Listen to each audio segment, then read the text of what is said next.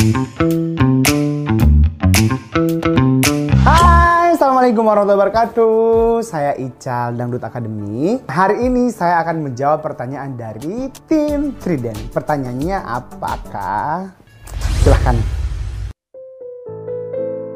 Kehidupan saya sebelum Dangdut Academy itu, saya seorang mahasiswa. Saya juga nyanyi dari panggung ke panggung, eh, dari event ke event, hajatan kampung ke kampung. Di Makassar. Perjuangan terberat adalah ketika kita sudah menjadi dewasa dan tanggung jawab kita sebagai seorang pengganti ayah untuk bertanggung jawab terhadap keluarga saya. Wow. Uh, kebetulan bapak saya meninggal 2007, aku masih kelas 1 SMA. Mama saya meninggal 2014, aku udah kuliah. Berarti saya 2016 bapak bapak dan mama saya udah nggak ada. Nggak, betul. Nggak, nggak, nggak merasakan kebahagiaan yang sangat luar biasa ini.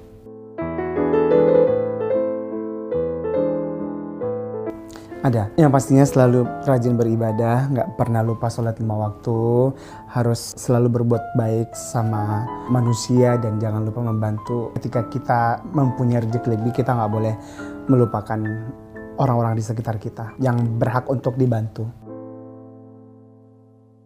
Kalau kangen, uh, aku biasa kalau masih di Makassar ya, aku tuh pulang ke Majene untuk siara kuburannya dulu. Tapi sekarang kan Ical udah hijrah ke Jakarta, mau tidak mau uh, Ical nggak bisa mengunjungi makam orang tua. Yang pastinya kalau lagi kangen aku mendoakan beliau karena itu jauh lebih penting. Ada bahagia, pasti bahagia. Di titik ini pasti orang uh, menginginkan kesuksesan.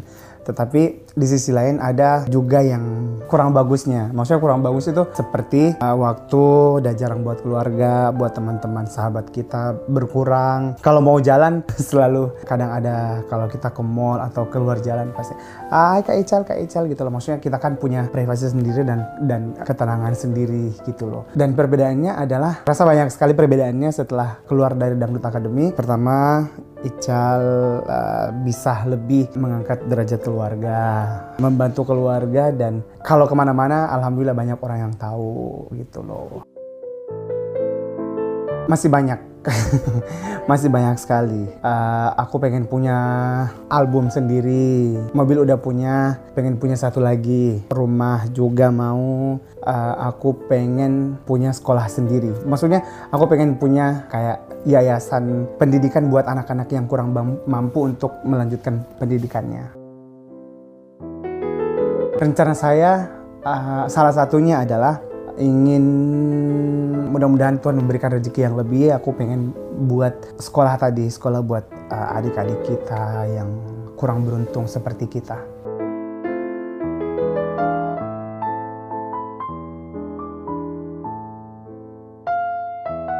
Aku kan punya adik satu. Itu dulu sebelum aku ke Jakarta uh, udah membiayai adik aku di SMA-nya. Di SMA itu udah kelas 2 sampai kelas 3. Ya karena kebetulan mama saya sebagai ibu rumah tangga dan bapak saya sudah meninggal ya mau nggak mau saya turut membantu uh, adik saya untuk menyelesaikan sampai kurang lebih dua tahun untuk menyelesaikan pendidikannya. Dan ponakan saya ponakan itu ada kurang lebih 12 deh. Aku 8 bersaudara aku anak ketujuh. Kembali ponakan ya ponakan aku tuh ada 12 orang tapi aku lebih memprioritaskan ponakan aku yang sekolah di SMA tapi sekarang juga masih udah ada ini ada tambahan lagi nih karena ada ponakan saya yang kembar insya Allah tahun ini mau masuk SMA itu masih tanggung jawab saya. Totalnya yang sekolah 1, 2, 3, yang sekolah ya 4 dan insya Allah ponakan aku yang kembar masuk SMA tahun ini di 6, 6 tetap sih karena kuliahnya juga ponakan aku yang pertama yang yang masuk kuliah itu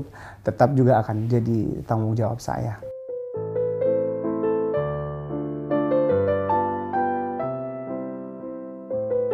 Aku, aku tuh kalau sudah bisa membantu keluarga saya, saya bisa membantu teman-teman saya, saya merasa bahwa saya saya juga sudah membahagiakan diri saya sendiri. Sebelum ada corona nih ya, aku tuh setiap tiga bulan aku pasti traveling, aku aku harus keluar dari Jakarta dan harus liburan. Itu benar-benar harus liburan dalam tiga bulan itu aku harus pergi dari Jakarta, refreshing karena alhamdulillah kerjaan banyak. Pasti kita mau melihat sesuatu pemandangan yang indah juga.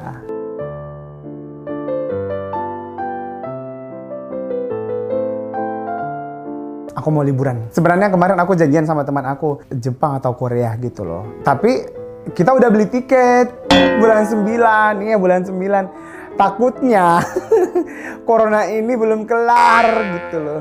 14 hari di sana, pulang sini 14 hari rugi waktunya gitu loh. Tapi nggak apa-apa sih kalau emang harus hangus, nggak apa-apa lah kan kita bisa itu dulu apa di refund dulu. Terima kasih semuanya buat teman-teman yang sudah menyaksikan, menonton Q&A saya buat teman-teman semuanya tetap stay at home. Kalau nggak penting tetap di rumah dan jaga kebersihan.